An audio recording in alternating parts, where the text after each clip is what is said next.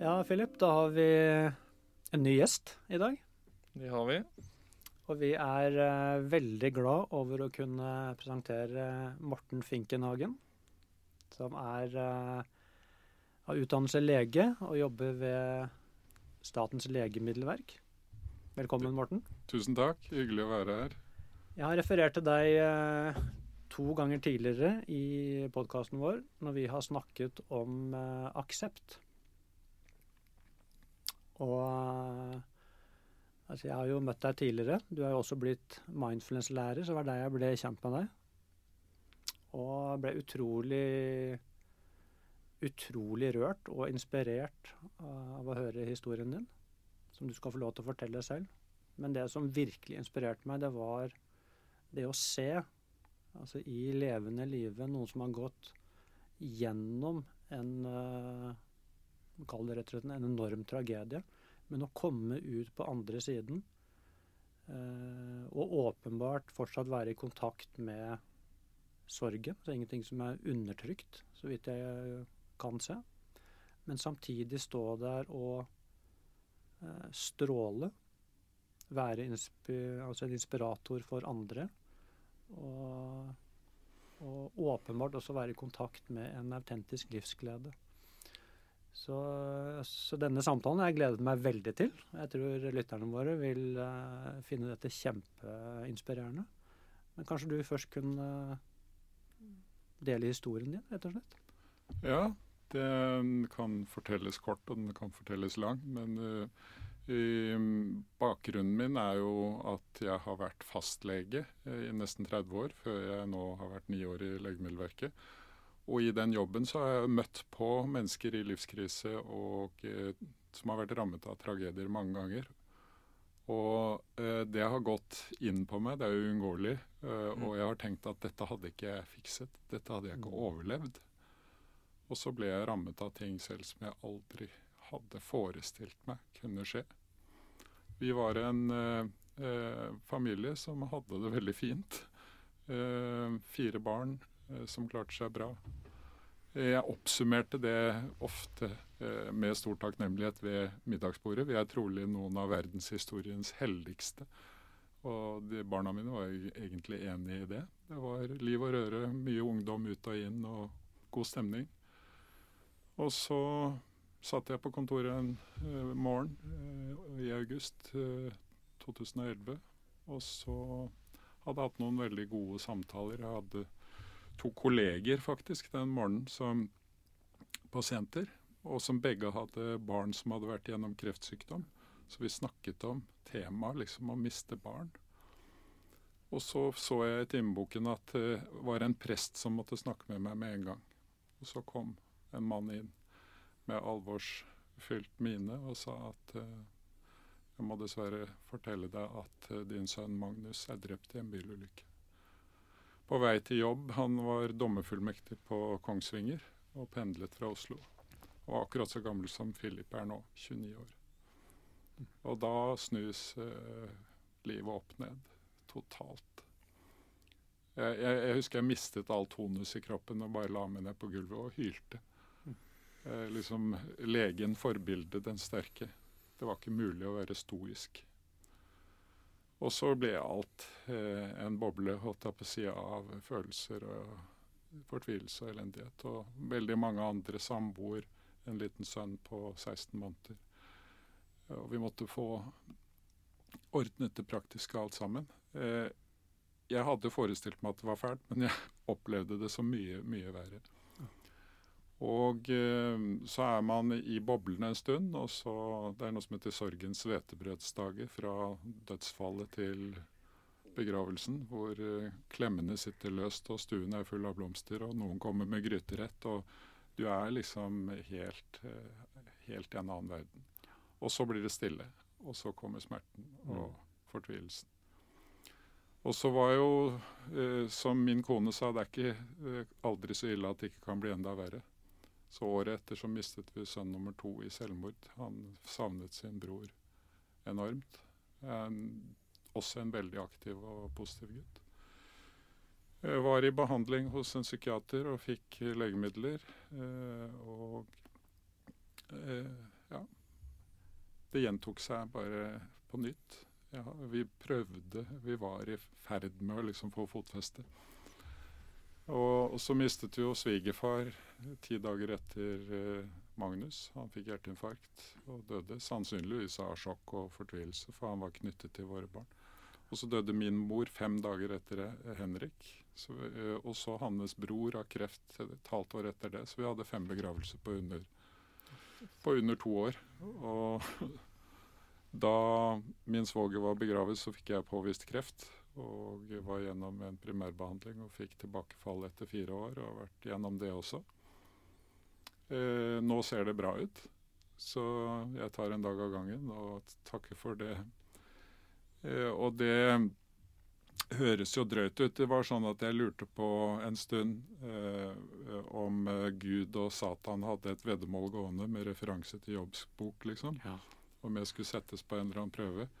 Hvor, hvordan kan et menneske eller en familie prøve så hardt? Eh, jeg forkastet den eh, ideen. Jeg fikk ikke noe svar eh, verken herfra eller derfra. Men fikk god støtte og hjelp av noen nære venner som var helt uvurderlige. Og fikk noen samtaler over tid hos en psykiater som var veldig varm og støttende og god. Og så var jo budskapet liksom fra min, eh, en av mine gode venner som er psykiater. Du må bare fortsette å sette én fot foran den andre. Kom da opp, ta deg en dusj, spis frokost. Hold i gang. Og en annen god venn som sa 'alt er lov'. Mm.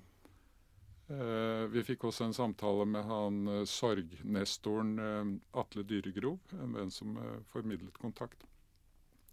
Og han sa noe som er veldig klokt, som jeg tror er viktig for eh, helingen av både meg og familien min.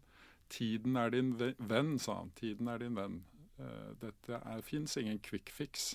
Eller det fins quick fix, og det er hvitt pulver som du kjøper på gaten i Oslo. Mm. Eller på Vinmonopolet. Men ellers så er det sånn at sorg tar tid. Og du må, uh, du må bare holde ut og være i det. For meg ble det veldig viktig fordi vi har to døtre og uh, etter hvert nå fem barnebarn. Uh, det ble faktisk sånn uh, å være voksen og være et voksent forbilde for de andre, sånn at vi ikke skulle gå ned i det svarte hullet alle sammen.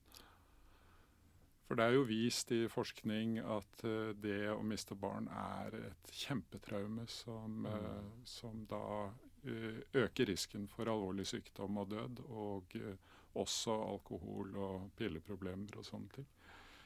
Fysisk aktivitet ble viktig.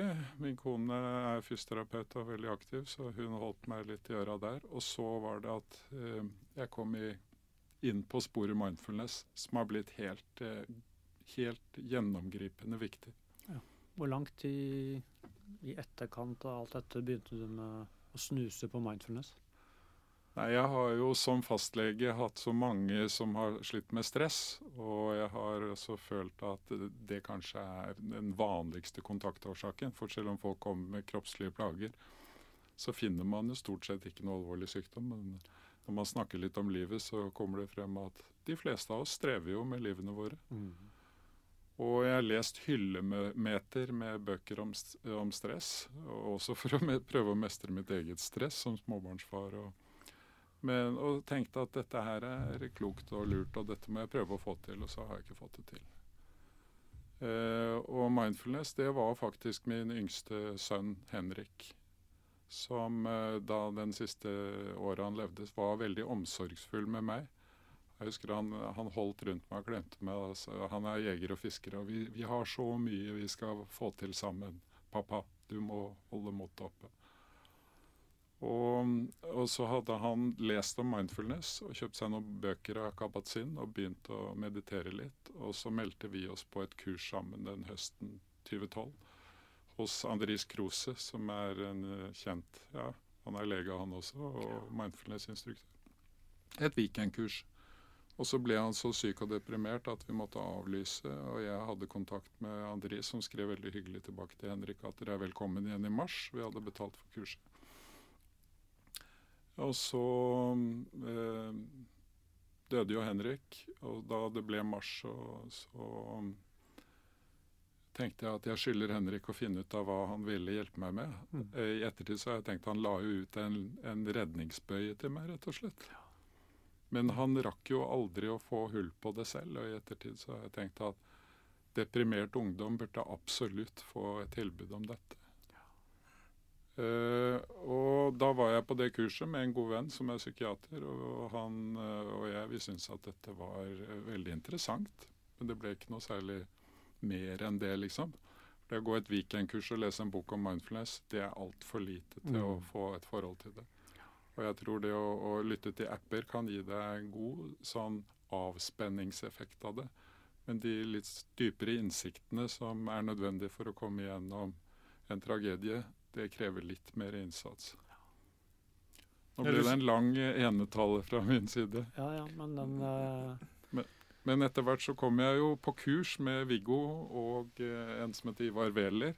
Et instruktørutdanningskurs hvor jeg da brukte et år på å fordype meg i egen praksis. Lese om det, etter hvert også prøve meg som mindfulness-lærer. Og da skjedde det en gjennomgripende forandring med, med eh, meg selv, mitt forhold til meg selv og livet, som, som er eh, ekstremt verdifull. og som jeg gjerne deler med andre. Fordi, for å ta en analogi fra medisin, da, så er korsryggsmerter er veldig utbredt. Og noen mener at man bør gjøre forebyggende øvelser, men du får ikke motivert noen til å gjøre forebyggende øvelser når ryggen er helt i orden. og jeg tenker det er litt sånn med mindfulness også. Jeg har det helt ålreit. Hvorfor skal jeg liksom kaste bort tiden med å sitte med øynene lukket og kjenne på luften som strømmer ut og inn av nesa? For det, mange har det forholdet til det. Eh, men hvis du har opplevd noe som er grusomt eller vanskelig, eller står i noe som du strever med, så vil jeg si at eh, det å, bestille time hos noen som skal fikse deg, eh, det kan være lurt å prøve det òg. Men dette er et supplement som er uvurderlig og verdt å prøve.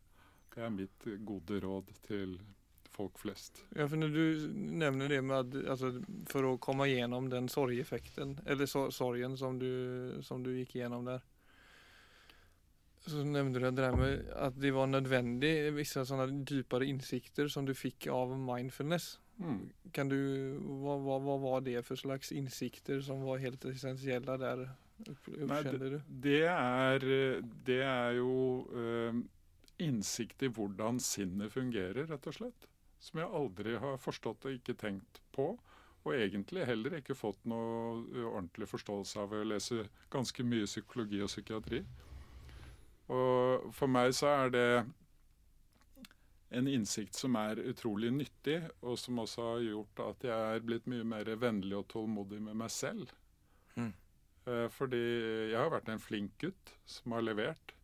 Jeg var litt sånn miljøskadet hjemmefra, kanskje. Jeg var sønn av to tannleger, hvor dyden var å oppføre seg pent og høflig, ikke søle til klærne og fargelegge innenfor streken.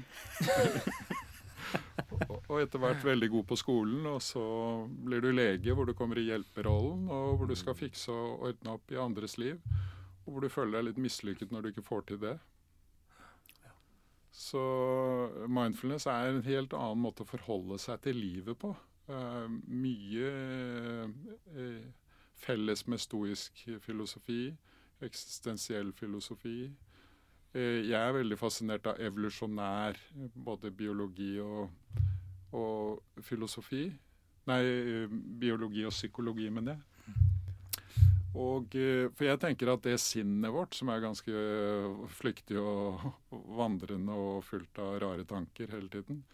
Det er sånn fordi eh, de som hadde et sånt sinn, fikk flest eh, levedyktige avkom. Altså Mm. det er tilpasset evolusjon. Og naturen blåser jo i om vi er lykkelige, eh, bare vi Mm. overlever og får barn. Mm. Sånn at våre følelser, de fleste av våre følelser er ganske ubehagelige. Og så vil vi gjerne ha så lite lidelse som mulig. Og ikke alltid velger vi hensiktsmessige strategier for det. Og det, den innsikten der eh, mener jeg mindfulness har hjulpet meg med. Og, og det syns jeg er, det er en utrolig fascinerende eh, prosess. Å sette seg ned og lukke øynene, og så begynne å legge merke til hva som skjer. Og så ha en metode til å forholde seg til det. eh, istedenfor å, å oppleve at dette er så ubehagelig at jeg må se på VG-nyhetene på mobiltelefonen min isteden. Mm. Men i selve sorgprosessen, også, for det må jo være noe av det mest uh, Noe av det mest intense, altså, som man heller regner med ikke får tatt fri fra. Det så intense følelser. Jeg regner med også helt... alle bildene i hodet og filmene og minnene og alt sammen. Mm. Og så skal du da Og så får du beskjed om å sette deg ned med lukkede øyne mm. og egentlig bare følge din egen pust, og så la da alt dette her Ja, ikke skyve noe bort. Egentlig heller ikke analysere det. Og det innebærer jo da at man må være med intensiteten i det, mm. nettopp. Mm. Hvordan mm.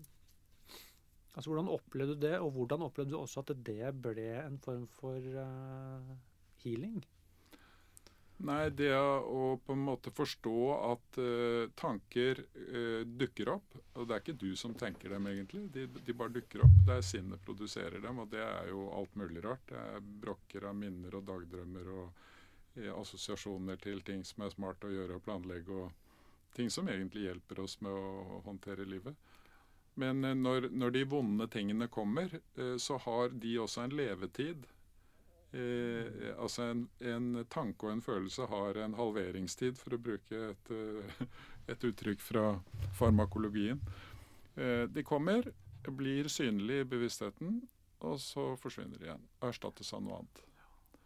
Og den erfaringen også gjør at vonde tanker er ikke så truende. For jeg, jeg har hatt de vonde tankene før og de slipper og forsvinner. Mm.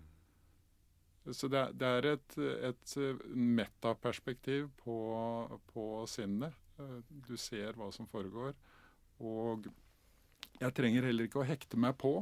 Fordi eh, i den første tiden så var det jo sånn at eh, du lengter sånn etter den avdøde at du blir helt ødelagt av det. Det er liksom en ulykkelig kjærlighet. En avstandsforelskelse som aldri kan bli virkelighet. Kan, du kan ikke få kontakt. Eh, og så henter du frem eh, minner og bilder og kanskje album. Og, eh, og så kan du sette på litt trist musikk og tenke på de fantastiske sommerferiene vi hadde sammen, de jaktturene vi hadde. Turene på, til Østerrike for å stå på sla, slalåmski. Og alt sammen kan du jo Du kan bare holde på. Og du blir bare mer og mer trist og ødelagt. Og den tristheten, den smitter jo på de som er rundt deg. Så det å kunne i nærværsøvelsen godta det som kommer og går, mm. og også styre oppmerksomheten da mot, mot et sånt uh, meditasjonsobjekt som er pust eller kropp, så, så forsvinner da, da, øver du deg på å akseptere og gi slipp. Mm.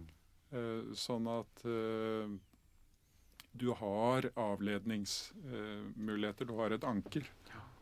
Og den erfaringen var også ekstremt nyttig. Eh, du skal ikke løse og forstå og analysere. Altså eh, Selvbebreidelser, tanker om ting som kunne vært annerledes, hvis, hvis bare ditt og hvis bare datt, det kommer jo helt uunngåelig. Og er salt i såret. Mm. Eh, men i mindfulness så er man ikke ute etter egentlig å gå inn og forstå og analysere alt men akseptere at uh, sånn er det. Stå i det som er som det er. Og, og de, den erfaringen er uh, veldig sterk og potent og nyttig. Men det er ikke noe quick fix vi snakker om her. Her snakker vi om systematisk, lang jobbing, som jeg regner du fortsatt Altså som alt kanskje aldri blir ferdig? Ja, jeg tenker at uh, sorg, det blir du aldri ferdig med. Uh, vi lærte tidlig i mitt studium på mange år siden at sorg var uh, visse stadier i en prosess, og så var man ferdig. Og jeg har jo møtt folk som har spurt meg i beste mening har du kommet over tapet av guttene dine. Mm. og det ser jo kanskje sånn ut fordi jeg fungerer bra i jobb og privatliv. Eh, men det kommer man jo aldri over. Det er jo noe du bærer med deg. Uh, uunngåelig. Men du går ut og inn av det. Det er, mm. det er på en måte et, et, parallelt spor i bevisstheten. Og jeg, jeg, besøker jo det innimellom. det hender at jeg sitter og prater med folk om det, sånn som med dere nå. At bare, det bare kommer en bølge av vemod og sorg. Jeg begynner å gråte. Jeg mister kontroll, rett og slett. Mm. Det skjer. er, eh, Ja. Men at det er parallelt, det er det, det er det som er så Jeg syns det er så tydelig med deg, da. At det er parallelt. Så er det også en åpenbar livsglede. Uten tvil. Jeg føler sånn mentalt sett at jeg aldri har hatt så god, stabil syke som nå. Eh, nå skal man eh, være litt forsiktig med å liksom overtolke det å si at det er mindfulness alt sammen. Mm. Fordi eh, da kan ha noe med livsfasen min å gjøre. Jeg har ikke så mye ansvar som jeg hadde da jeg var ung og hadde drev en svær legepraksis og hadde fire barn. Eh, det, jeg er en mann som er liksom på vei ned og ut av livet, på, på sett og vis. Og det, det er noen som sier at det kommer litt visdom med alderen. Livserfaring. Jeg, jeg skal ikke bevise noe lenger. Jeg, skal ikke konkurrere om status og uh, posisjoner og penger og det som, som eh, mange midt i livet må streve med. Uh, men, men jeg skulle veldig gjerne ha lært mindfulness som ung. Mm.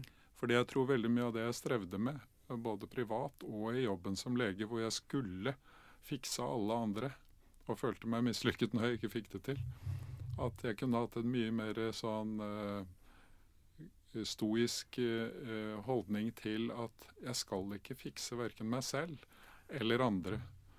Men eh, med en annen holdning så, så kan man godta å leve veldig godt med det ufullkomne livet. Mm.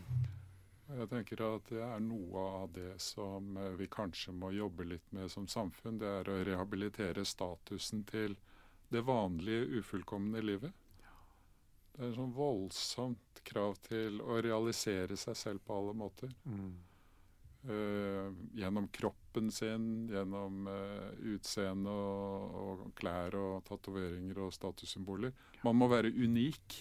Uh, Mm. Og eh, også sånn jobb- og karrieremessig. Liksom. Du skal være gründer, du skal, du skal følge dine drømmer, du skal realisere det ene og det andre. Så sjansen for å gå på en smell er jo veldig stor. Ja, det er mye press på individet. Ja. Mm.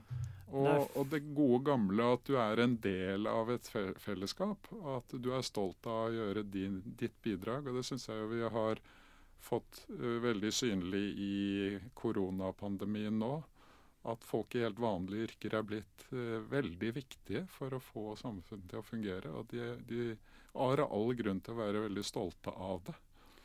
Uh, og at vi er connected og, og gjensidig avhengig av hverandre. At det er et perspektiv som gir livet mye mer mening, egentlig, enn å skulle vinne rotteracet. Mm. Du er- Spiller. Om du vinner rotteracet, er du fortsatt en rotte. Er fortsatt alene. på Og alene, ikke minst. alene. Det er mange temaer du inviterer inn til her som vi kanskje kan komme inn på etter hvert. Men altså, jeg vil veldig gjerne spørre om altså Du er midt i en sorgfase. Og jeg regner med at det også er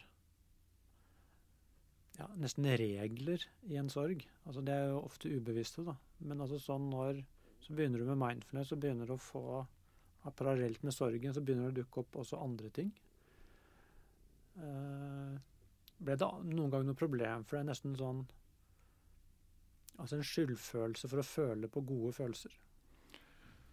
Ja, den tror jeg er ganske vanlig. Eh, at eh, du blir litt overrasket første gang du ler av en vits, eller at du blir avsporet, liksom. For til å begynne med så er jo dette altoppslukende. Det er eh, en slags eh, mental støy som er på døgnet rundt. Jeg sov jo f.eks. elendig. Jeg gikk ned, jeg er jo ikke veldig tjukk, jeg gikk ned syv kilo i vekt det første året.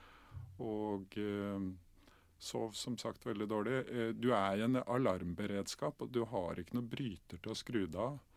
Eh, Det er en sånn eh, eh, kamp og flukt-reaksjon, men, men sorgen kan du verken kjempe mot eller flykte fra. Du er fanget i det. Jeg husker jeg sa til Hanne at jeg skulle ønske at noen kunne legge meg i narkose en periode. Bare få lov å skru av alt. Eller en bryter som liksom kunne ta av støyen. Og det, der tenker jeg de, den første fasen er barsk uansett. Det er den. Men eh, da hadde jeg jo ikke enda lært meg nærværsøvelser. Og bare det å gjøre en nærværsøvelse, så kan du få hjelp til å nedregulere stresset. Det er en sånn primæreffekt som er veldig viktig. Uh, og som er viktig også for å kunne ha nytte av en terapi og Mm. relatere til andre mennesker. Gjenvinne tillit og trygghet i møte med andre. Så jeg, jeg tenker at det må være viktig i en sorgprosess, også akutt, å kunne tilby folk uh, den typen øvelser. For å kunne finne bryteren og kunne skru av, få en liten pause. Og så kommer uh, kanskje eh, altså dette med egenomsorg. Det er jo et eget tema innenfor mindfulness som jeg syns er veldig interessant, som heter selvmedfølelse. Som handler om uh, både det primær mindfulness, det handler om å møte seg selv med vennlighet, med samme omsorg som du ville møtt en, en god venn som var i samme situasjon. Og så handler det om det allmennmenneskelige perspektivet at jeg er faktisk ikke den eneste i verden som har opplevd noe så grusomt. Det er faktisk veldig vanlig. Mm. Eh, i, I krigssoner. Han og jeg har snakket om det at vi kunne ha bodd i Syria. Vi kunne ha hatt et hus som var utbombet, to døde sønner og et samfunn som ikke fungerer. Rammene rundt våre liv er jo utrolig privilegerte og trygge. Eh, vi dro til, Litt som sånn egenterapi, så dro vi til Auschwitz en påske eh, noen år etterpå. Å, og vi sto der på appellplassen i Auschwitz, og, og det var sludd og sterk vind, og tenkte på uh, hvor grusomt går det an å behandle medmennesker, og hvor grusomt går det an å ha det. Eh, det ble en slags sånn motgift Mm. til vår egen selvmedlidenhet, da, som var veldig effektiv. For det, det var det selvmedfølelsesperspektivet at vi er ikke de eneste. Nej, det, är- det är imponerande att ni, att ni klarar av att hitta de perspektiven där. Det är, jag märker att det är lite som tyst här. jag, blir, jag tycker det är liksom tungt och väldigt flott att lyssna på hela historien. Men, jag vet inte om det blir för personligt men hur er relation, du och din fru, hur har den har ni klarat av att stå starka i?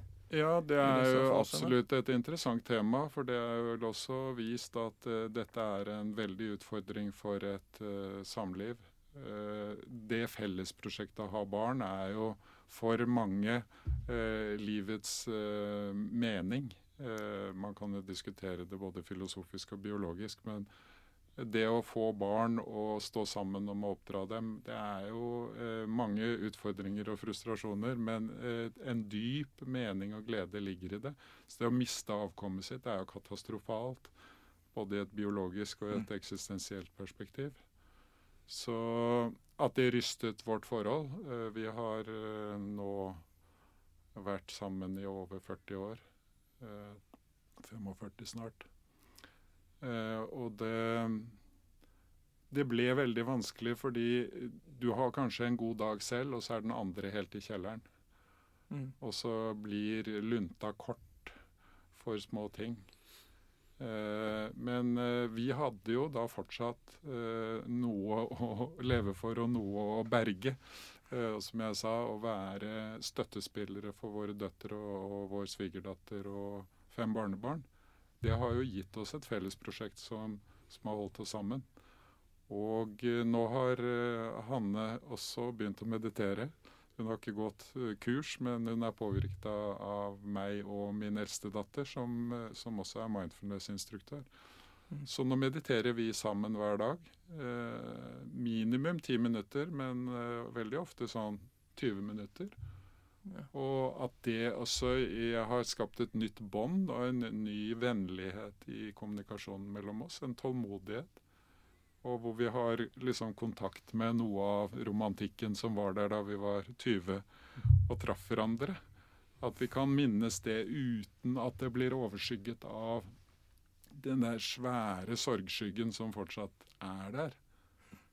Eh, Det er, det er jeg veldig takknemlig for. Og jeg tror Det er jo vist at mindfulness bedrer relasjoner. Det er ingen Mm. tvil om. Uh, og og det er vist at hvis én i et forhold går et mindfulness-kurs, så påvirker det forholdet. begge behøver ikke gjøre det. og det er veldig interessant. Ja, det er superinteressant. Fordi uh, altså, det er noe med reaktiviteten Mm. til en av partene endres. Det der å oppdage at nå er det like før jeg tenner og sier noe dumt. Ja. Men så kan du i tide skjønne at jeg er kanskje like klokt å avstå fra min, mitt gamle mønster her. Og så, Mm. Ikke fordi jeg skal undertrykke mine behov og rettferdig harme, men fordi eh, det er ikke nødvendig å spille det ut.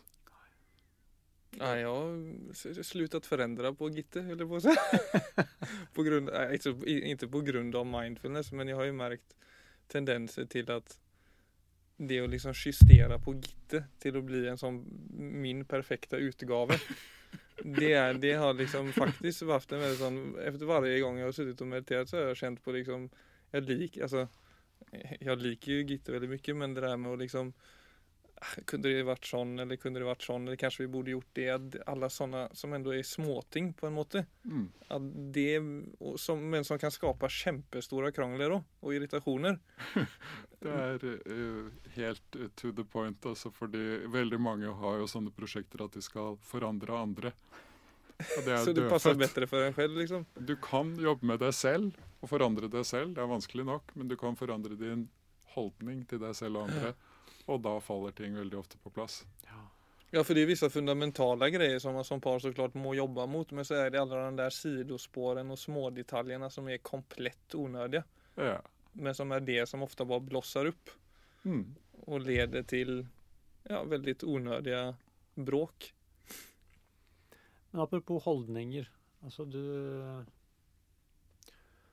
Altså en ting er dette med å kunne lære deg å styre sinnet. Du kan gå til et, eh, altså et pusteanker som er nøytralt. Så Mm. hadde du jo da selvfølgelig også altså sin, Du spalter jo egentlig sinnet, sånn at uh, spenningsfeltet som ligger i, i ditt tilfelle sorgen, at den begynner å avta fordi at sinnet begynner å fokusere på noe annet. Så der er det jo masse interessant. Men altså aksept må jo også ha vært et veldig viktig stikkord, og sannsynligvis er det fortsatt, som kanskje er mindfulness-holdningen per se, på en måte. Men som også kan jo virke sånn når folk er i øh, Det kan være nok å få en parkeringsbot, egentlig, og så kan Mm. noen si kan du ikke bare akseptere det. Så er, kan man jo risikere å få et blått øye bare der. Men det er jo noe med dette ordet som kan virke veldig provoserende å ta fram. Altså når man står i uh, noe som er veldig vanskelig. Så Ja, jeg tror ikke det er det første du skal si til en eh, som har mistet sønnen sin. Nei. Dette må du bare akseptere. Nei, og, og selvfølgelig Men- ikke si det sånn heller, men altså, kan du si noe om din tilnærming og bruk av aksept som holdning i ditt eget liv? Eh, Jeg har vel ikke vært veldig god på det før. Jeg har vært ganske streng med meg selv. Kunne, jeg, mitt sinne gikk ikke utover parkeringsvakten, men meg selv, som var så idiotisk at jeg ikke så det skiltet eller, eller så at parkeringstiden var gått ut. Så jeg kunne hamre løs på meg selv og gjerne tygge litt drøv på det. Uh, hvor mye må du jobbe, eller hva kunne du kjøpt isteden for de 900 kronene? Som det ikke kommer noe ut av. Og uh, jeg har jo også vært litt sånn interessert i filosofi og psykologi før jeg ble rammet av dette. Og stoisk filosofi jeg syns jeg har alltid vært veldig interessant. Leste Marcus Aurelius som ung. og eh, men da dette skjedde, så sa jeg jeg innser nå at det er mye lettere å være stoisk på vegne av andres tragedier enn din egen. Så det tok jo noen, noe tid. Samtidig så har jeg et realistisk forhold til at en som er død, er død. Kommer ikke igjen. Og jeg har ingen sånn eh, følelse av at jeg har kontakt og kommuniserer med mine sønner. Jeg har mange veldig gode minner, men eh, det er ikke sånn at jeg går på graven og fører samtaler med dem. Noen gjør det, og det, det er sikkert uh, givende og viktig og riktig for mange. For meg er ikke det noe tema. Sånn er det bare. Uh, så aksept den uh, Jeg tenker det er, det, er, det er lurt for folk flest å jobbe med aksept eh, i forhold til parkeringsbøker og bøter og, og bulk i bilen og sånne ting. Og ikke minst da møte seg selv med selvmedfølelse. Ikke hamre løs på seg selv eller andre. For bare, det er salt i såret å, Mm. trekke det ut. Det har skjedd. Uh, og det var en uh, Jeg leste om en sånn stoisk øvelse som heter pro prospektivt retrospekt. Det høres jo veldig enkelt ut, men det er altså å se tilbake på dette øyeblikket fra en tenkt eh, fortid Nei, fremtid, men det er Fremtid. At om ett år så har du sannsynligvis glemt hele den episoden med parkeringsboten.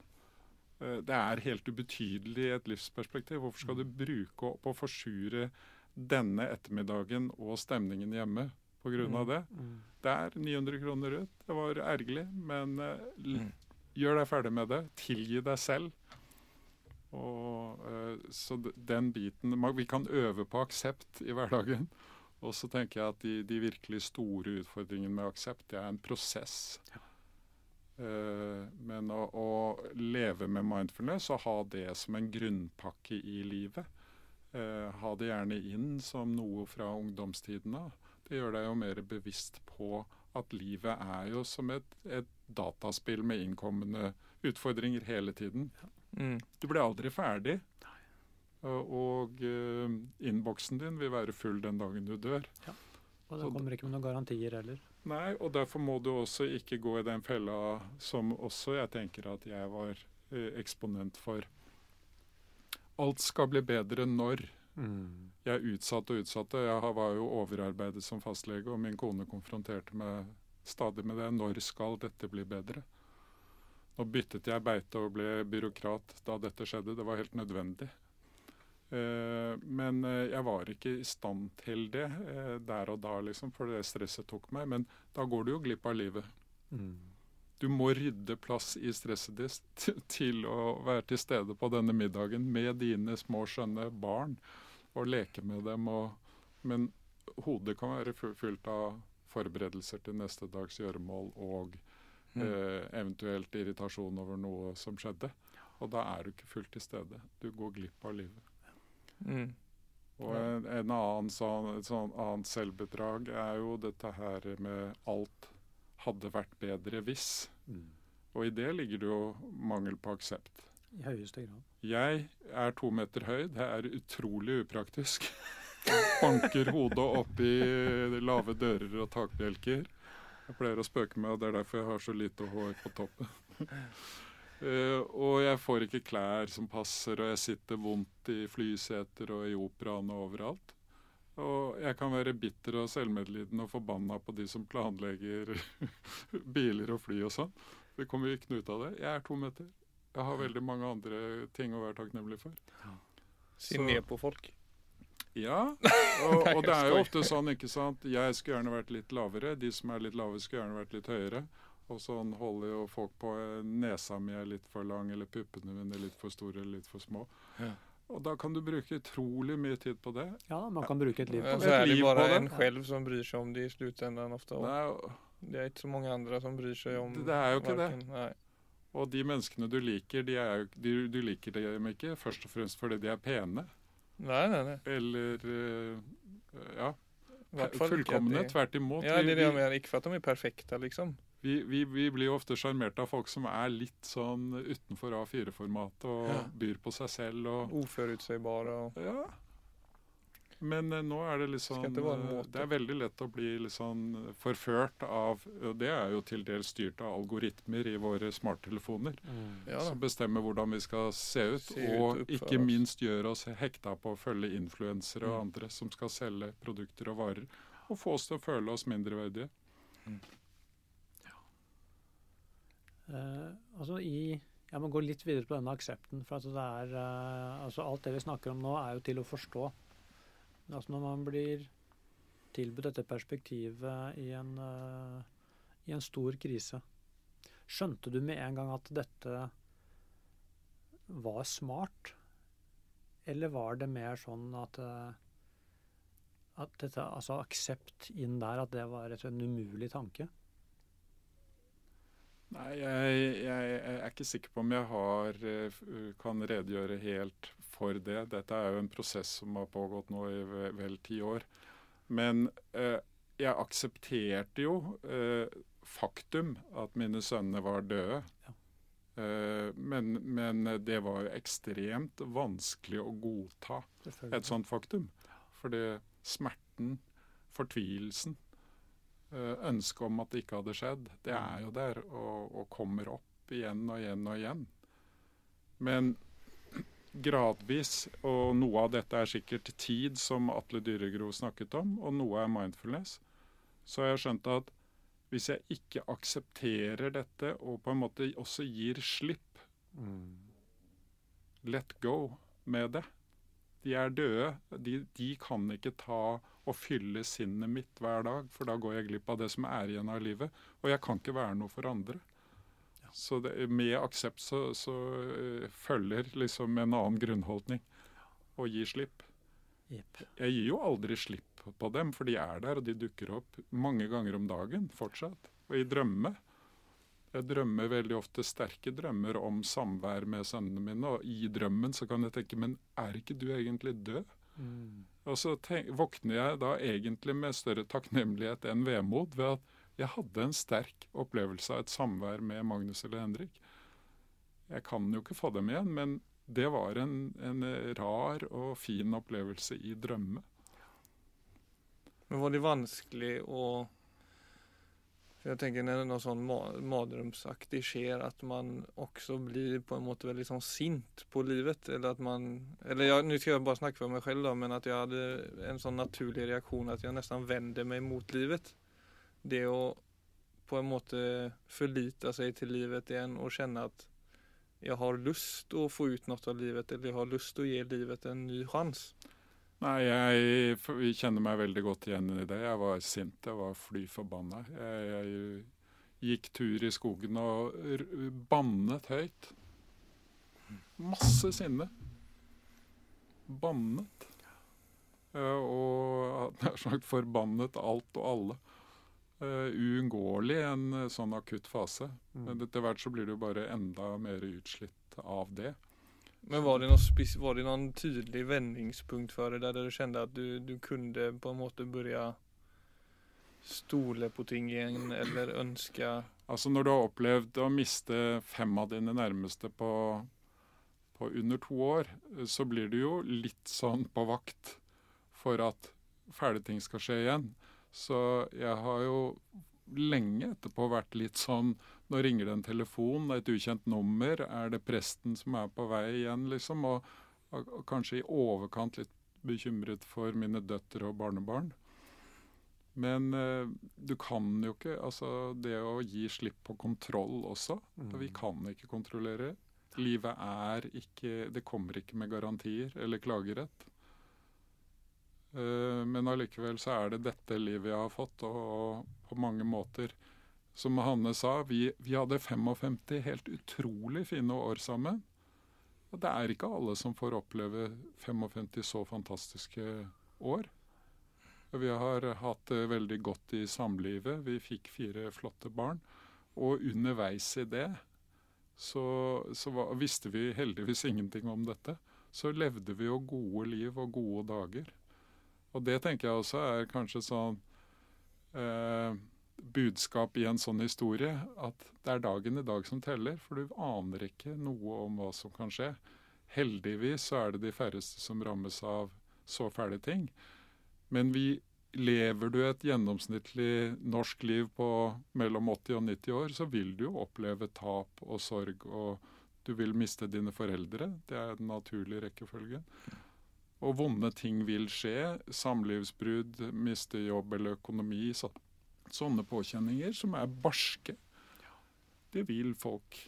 Veldig mange. I, i, I denne tiden vi lever nå, så er det utrolig mange som er rammet helt uskyldig og urettferdig av økonomisk eh, ruin, eller iallfall ekstreme utfordringer, fordi deres bransje ligger nede. Mm.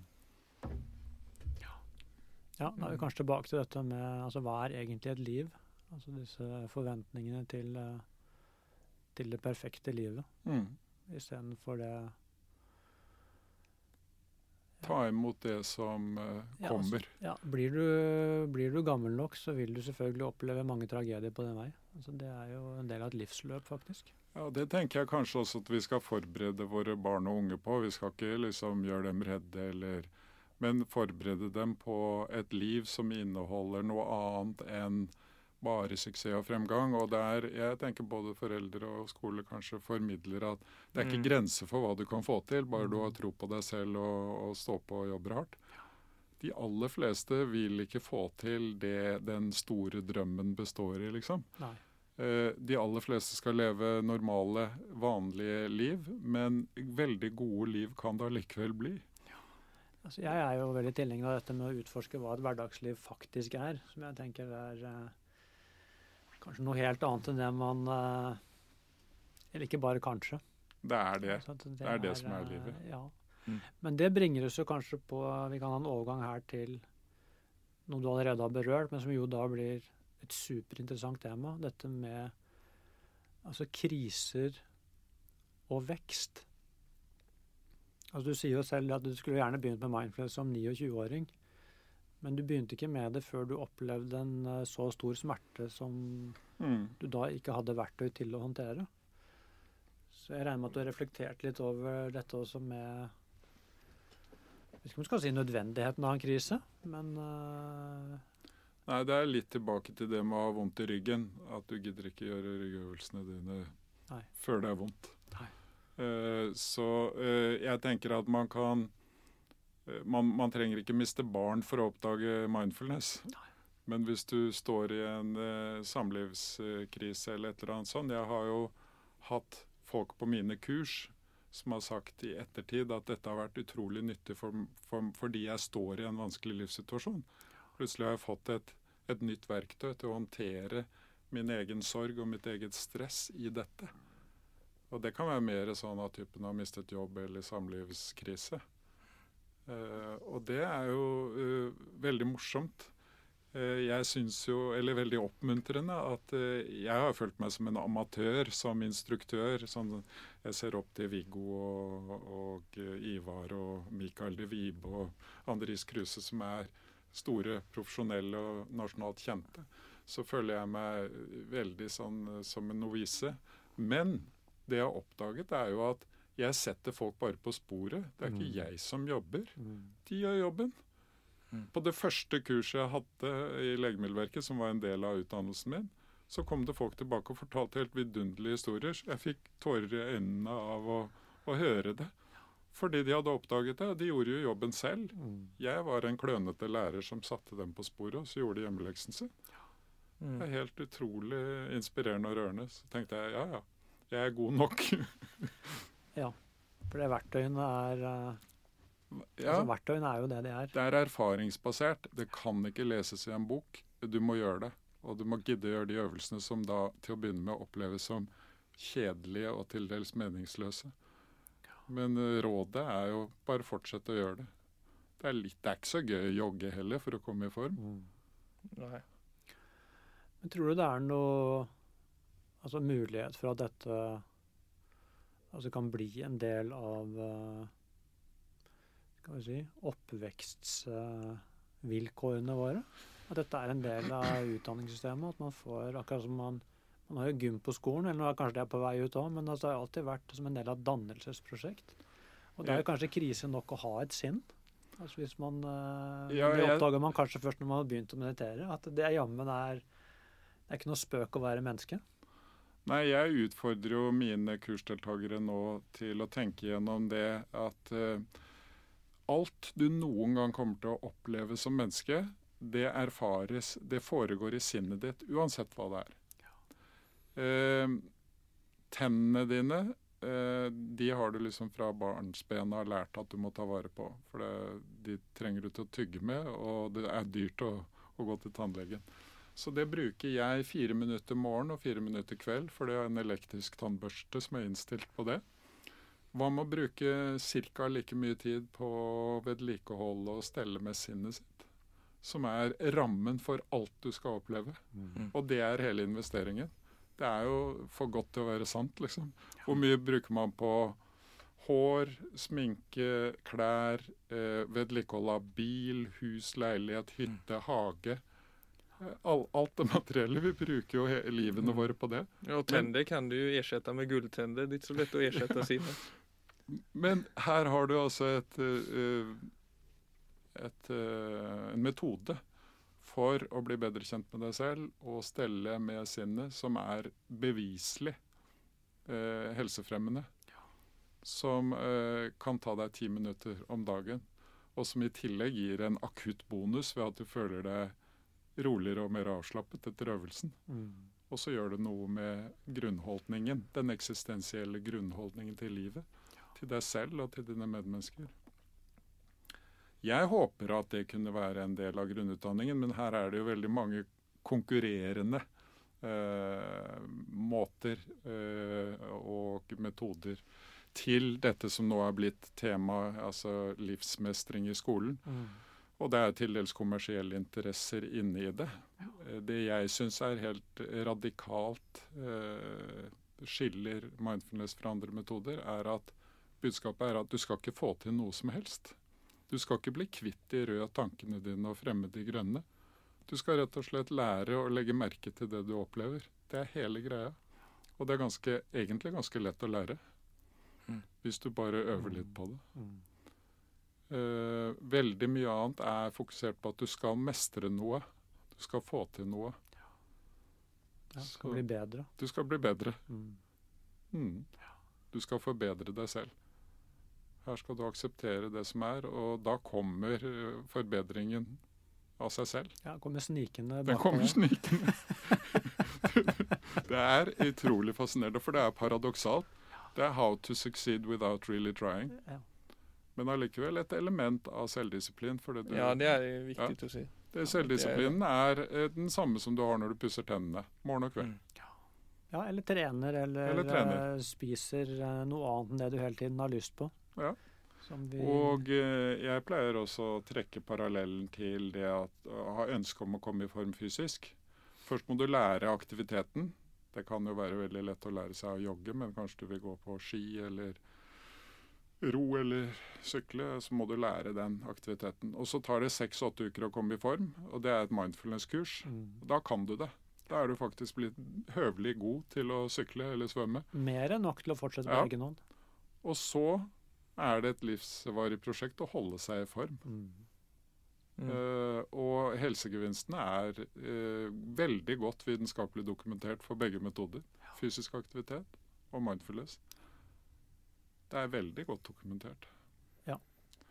Men det de sliter jo da også litt med fordommer og eh, at det er Noen ser på det som litt spirituelt og mystisk, og, eh, og så er det oversolgt, det er en hype, og, Mm. og det er en del useriøse aktører i Absolutt. bildet. Mm. Så, og så konkurrerer det jo da i markedet med veldig mange andre selvhjelpsmetoder. Absolutt. Men det konkurrerer kanskje også med en, eh, altså en grunnleggende tankegang rundt dette med ja, altså dette med psykisk helse, det å bli frisk fra ting. Og, Mm. og da tenker jeg, Du er jo lege, og du jobber, jo også med legemidler. Så Ja, det er, det er litt morsomt, fordi det har falt litt sånn øh, inn i dette med interessen for mindfulness. Parallelt med det så har jeg jobbet mye med pasientsikkerhet og legemidler de siste ti årene. Jeg var et år i pasientsikkerhetsprogrammet, statlig program for å forebygge pasientskader og død som følge av aktiviteter i helsevesenet. Og det er dessverre en del av det, ikke minst på legemiddelområdet. Og da er jeg opptatt av at uh, leger ikke skal bare lære å, å forskrive legemidler, men også ta dem bort. Ja. Uh, for det lærer vi faktisk ikke. Nå er det blitt pensum, heldigvis. Fra og med i fjor så ble det pensum i legestudiet i Norge. Å gjøre en systematisk legemiddelgjennomgang og se gjennom lange lister. Er det noe vi kan ta bort? Eh, pasientene er ofte positivt innstilt til det hvis det er forsvarlig. Å trappe ned og ta bort. Og i mange tilfeller så kan det gå bra. Eh, vi har også veldig mange gode og livsviktige legemidler. og jeg, jeg vil ikke bruke dette programmet til å si slutt med legemidlene dine. Overhodet ikke. Men avmedisinering er eh, et tema som er veldig spennende. Og nå er det også da blitt eh, tilbud i alle helseforetak om eh, medikamentfri psykiatrisk behandlingstilbud. Passer ikke for alle, men helt åpenbart at uh, det kan være for noen pasienter en riktig vei å gå, og for leger også tenke at uh, vi, vi, kan, når det gjelder lettere psykiske lidelser, tenke alternativt. Terapier. Eh, finnes mange former for dokumentert gode psykoterapier. Dessverre eh, for dårlig kapasitet. Mm. Eh, og at det ikke-medikamentelle bør prøves først. For det livet gjør vondt. Og det å ha en god samtalepartner, om det er legen din, psykologen din, en god nabo eller venn, eh, det viser seg det at den helende relasjonen veldig ofte er viktigere enn hvilken terapiform du får. Uh, og uh, en spennende terapiform som er blitt populær de senere år, og som også er dokumentert eh, ganske effektiv og, og, ganske trenger ikke pågå så veldig lenge. Det er det som heter metakognitiv psykoterapi. Mm. Og Jeg har lest litt om den, og jeg har praktisert og lest om mindfulness. og Det er veldig mye som er parallelt i tankegangen. Absolutt. At du, du legger merke til din egen tenkning. Og så lar du være å uh, gruble over fortiden og bekymre deg for fremtiden. Eh, du, du, lærer deg teknikker til å avstå fra det. Og Der tenker jeg at et mindfulness-kurs eh, kan være en slags gruppeterapi eh, i et sånt metakognitivt perspektiv. Absolutt. Ledet av en erfaren og god instruktør, så kan det nå enda flere. Ja. Og kanskje burde være tilbud til folk som venter på psykoterapi, eller som, som, er på en eller annen ytelse i Nav og venter på å komme tilbake i arbeidslivet og sånn. For den pakken der vil være nyttig for de aller fleste. Jeg fortalte deg så vidt at jeg har en datter som jobber med livsstyrketrening i Bærum kommune. livs uh, Friskvernsenteret uh, der. Og de har sånne kurs som er delvis mindfulness-basert. For folk som har strevet lenge, og som til dels da også får betydelig Eh, bedring av livskvalitet og funksjon med sånne metoder. Ja, Det er veldig interessant. Er, det er veldig mm. interessant. Og jeg tenker her er det en, en betydelig ressurs for helsevesenet eh, som man burde ja. ta tak i og bruke mer. Ja. Og jeg tenker med, med, med, utgangspunkt i min historie, da, eh, at tilbud til sørgende Uh, det det er, jeg viste deg et par publiserte seriøse vitenskapelige studier som viser at dette har målbar effekt på folks uh, sorgprosess. Mindfulness, tenker Mindfulness, du nå? Ja. Mm. ja. Det var uh, både sånn akutt weekend-seminar som introduksjon, og, og mer systematisk mindfulness i form av kurs og, og, det å etablere en praksis. Ja, ja. Du nevnte også det, for å ta den andre siden på den sorgprosessen litt der igjen, for du sa i starten at det altså sjukdom for pårørende øker veldig i sorgprosesser. Og så nevnte du at du selv fikk kreft en stund efter det. Er det, er det noe i noe sammenheng du kan se där? Eh, jeg vet jo ikke noe om mitt tilfelle. Eh, det blir altfor lite. Men det er vist i en stor dansk studie at eh, det å miste barn eh, påvirker helsen til særlig mødrene, men også fedrene negativt. Og det gjelder både somatisk helse, altså faren for kreft og hjerte-karsykdom, og eh, risken for eh, psykiske lidelser da, med også misbruk og selvmord. Så det er, en, det er en veldig alvorlig tilfelle, eh, eller eh, et traume som, som, setter sine spor. Og jeg har tenkt sånn at uh, den der følelsen av å være i uh, akutt sånn uh, kamp- og fluktmodus i døgnet rundt i månedsvis, det vet vi har negative effekter på helsen.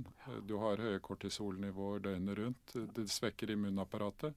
Og immunapparatet er viktig både for å forsvar mot infeksjoner og kreft. Men det kan ha vært en hel tilfeldighet at jeg fikk kreft. Men som, en, eh, som bakgrunn i statistikk så har jeg tenkt at det var kanskje ikke tilfeldig. jeg kunne ha fått det før eller senere. Mange menn får Dette var prostatakreft. Mange menn får det. Eh, men å få det såpass ungt som i slutten av 50-årene, det, det, er tidlig. Mm. Mm. Så jeg tenker at alt vi kan gjøre for å ta vare på de stakkars menneskene som mister barna sine, eh, for å hjelpe og støtte dem eh, og gi dem noen tilbud for å få fotfeste og mm. hjelp til å takle livet videre og håndtere sitt eget massive stress. Eh, der tenker jeg at samfunnet kan bidra enda sterkere, kanskje. Og, og hvor jeg tenker at mindfulness kan være et fornuftig tiltak. Som også kan ta opp i seg eh, Kan øke kapasiteten. Eh, det kan være et supplement til eh, Men har det også blitt en livsstil for deg? Sorry at jeg avbrøt deg, men det bare slo meg når du snakka om mindfulness som en metode. supplement. Føler du at det også er en slags Sånn som for din del, når du har startet med det og det har hatt en sånn stor effekt på livet. At det har blitt en slags væremåte også? ja, det vil jeg absolutt si. Det er en måte å være på. Altså, som jeg snakket om litt sånn høytidelig, en eksistensiell grunnholdning. For det er eh, Jeg på en måte er til stede, har et metaperspektiv på meg selv og det jeg opplever, som veldig ofte fyller meg med takknemlighet, ro, eh, tålmodighet. Eh, i en sånn holdning som er trukket inn ved siden av de, de, syv opprinnelige, det er jo takknemlighetsperspektivet. Og det bruker min uh, datter i sine kurs, og jeg har dratt det inn i, i mine kurs. Mm. At de, får skrive i en loggbok hver dag. Én liten eller stor ting som du kan trekke frem som du er takknemlig for i dag. Uh, og det samme med sjenerøsitet. Mm. Eh, kan du skrive ned én ting i dag hvor du gjorde noe for å glede et annet menneske? Det er litt sånn tilbake til speideren med dagens gode gjerning. Mm. Det skal ikke bli en mm. tvang. Men det kan bare være å si noe hyggelig til et medmenneske. Hjelpe naboen med noe. Eh, ja.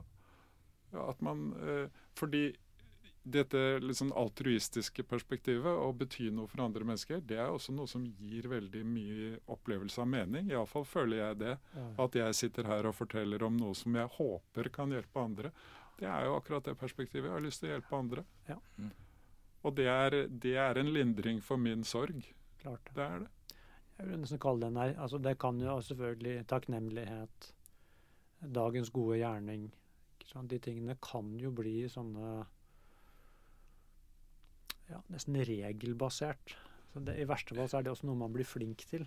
Ja, og da... Men så er det derfor til at det blir en erkjennelse. Ja. For det er noe med Så er det jo plutselig et helt annet Det blir et helt annet syn på livet. Akkurat som en sånn, Det er nesten som en ligning som går opp. Mm.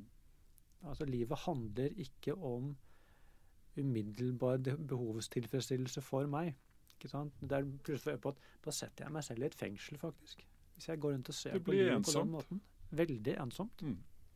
Så det er jo er, Jeg tror også det går når du går inn i generositet, takknemlighet, gode gjerninger. Når man begynner snakke på den måten, når man bare fyller på listen, så tror jeg det også blir fort for mange at ok, nå skal jeg bli frelst.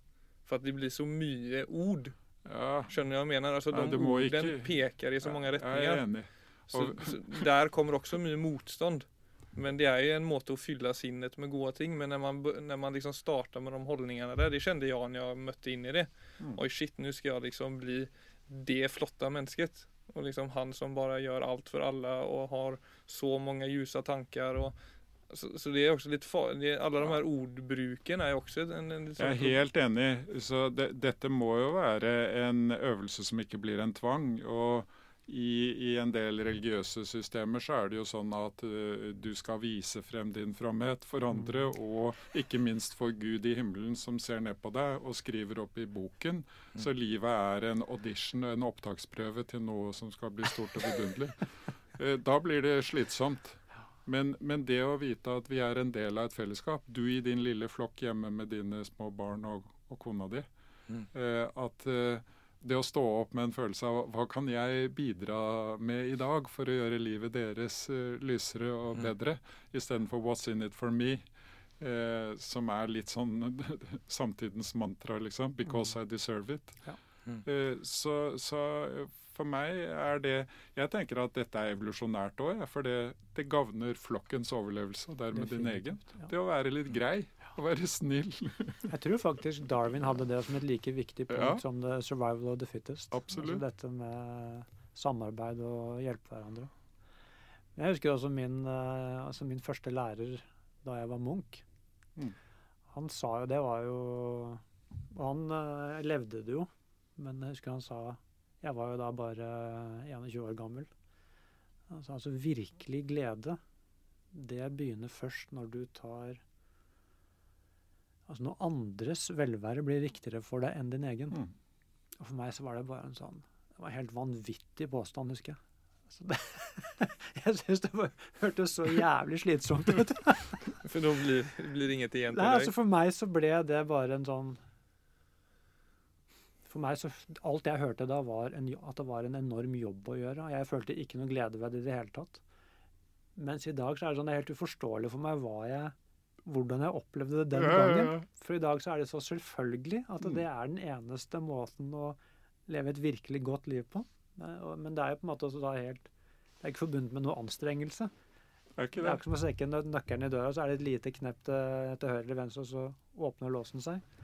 Men det er noe viktig Den selvfølgelig forståelsen av dette altså innenfra og ut er jo selvfølgelig veldig vesentlig.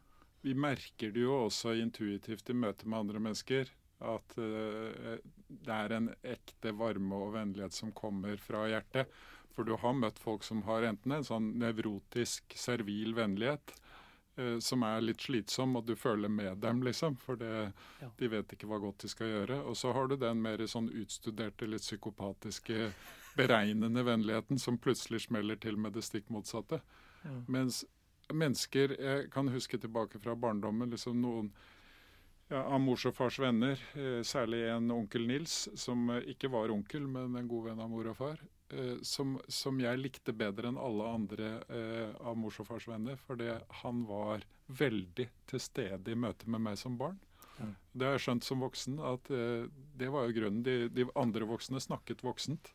Men han, han satte seg ned og hadde samtaler med barna. Og, og sånn er det i møte med folk vi umiddelbart liker. At de ofte har dette nærværet. De er, de er genuint interessert i å øh, lytte til deg, for, finne ut noe om deg, lære noe. Uh, Dalai Lama har vel sagt det at eh, eh, hvis du prater, eh, så repeterer du noe du vet fra før av. Men hvis du lytter, så har du sjansen til å lære noe nytt. Og Det er også sagt at vi har to ører og én munn, altså bør vi lytte dobbelt så mye som vi snakker.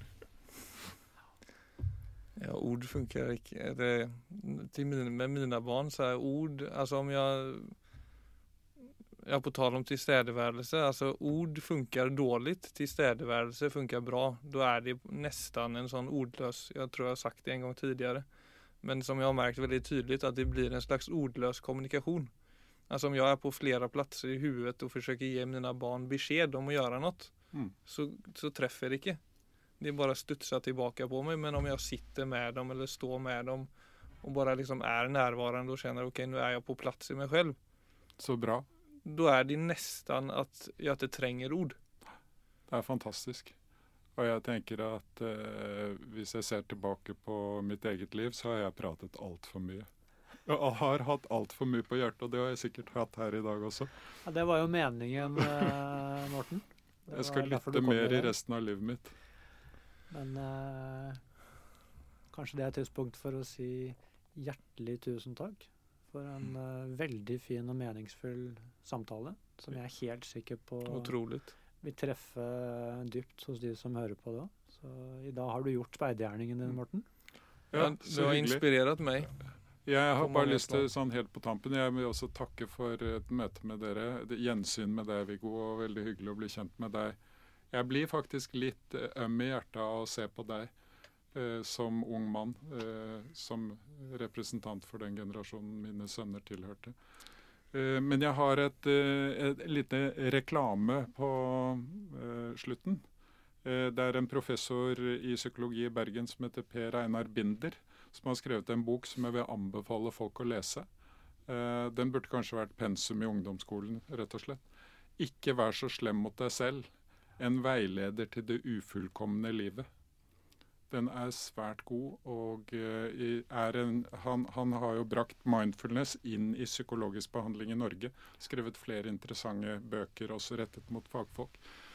Men det er et lite lærestykke i akkurat å ha disse uh, selvmedfølende holdningene til seg selv. At uh, vi gjør så godt vi kan, og det er godt nok stort sett.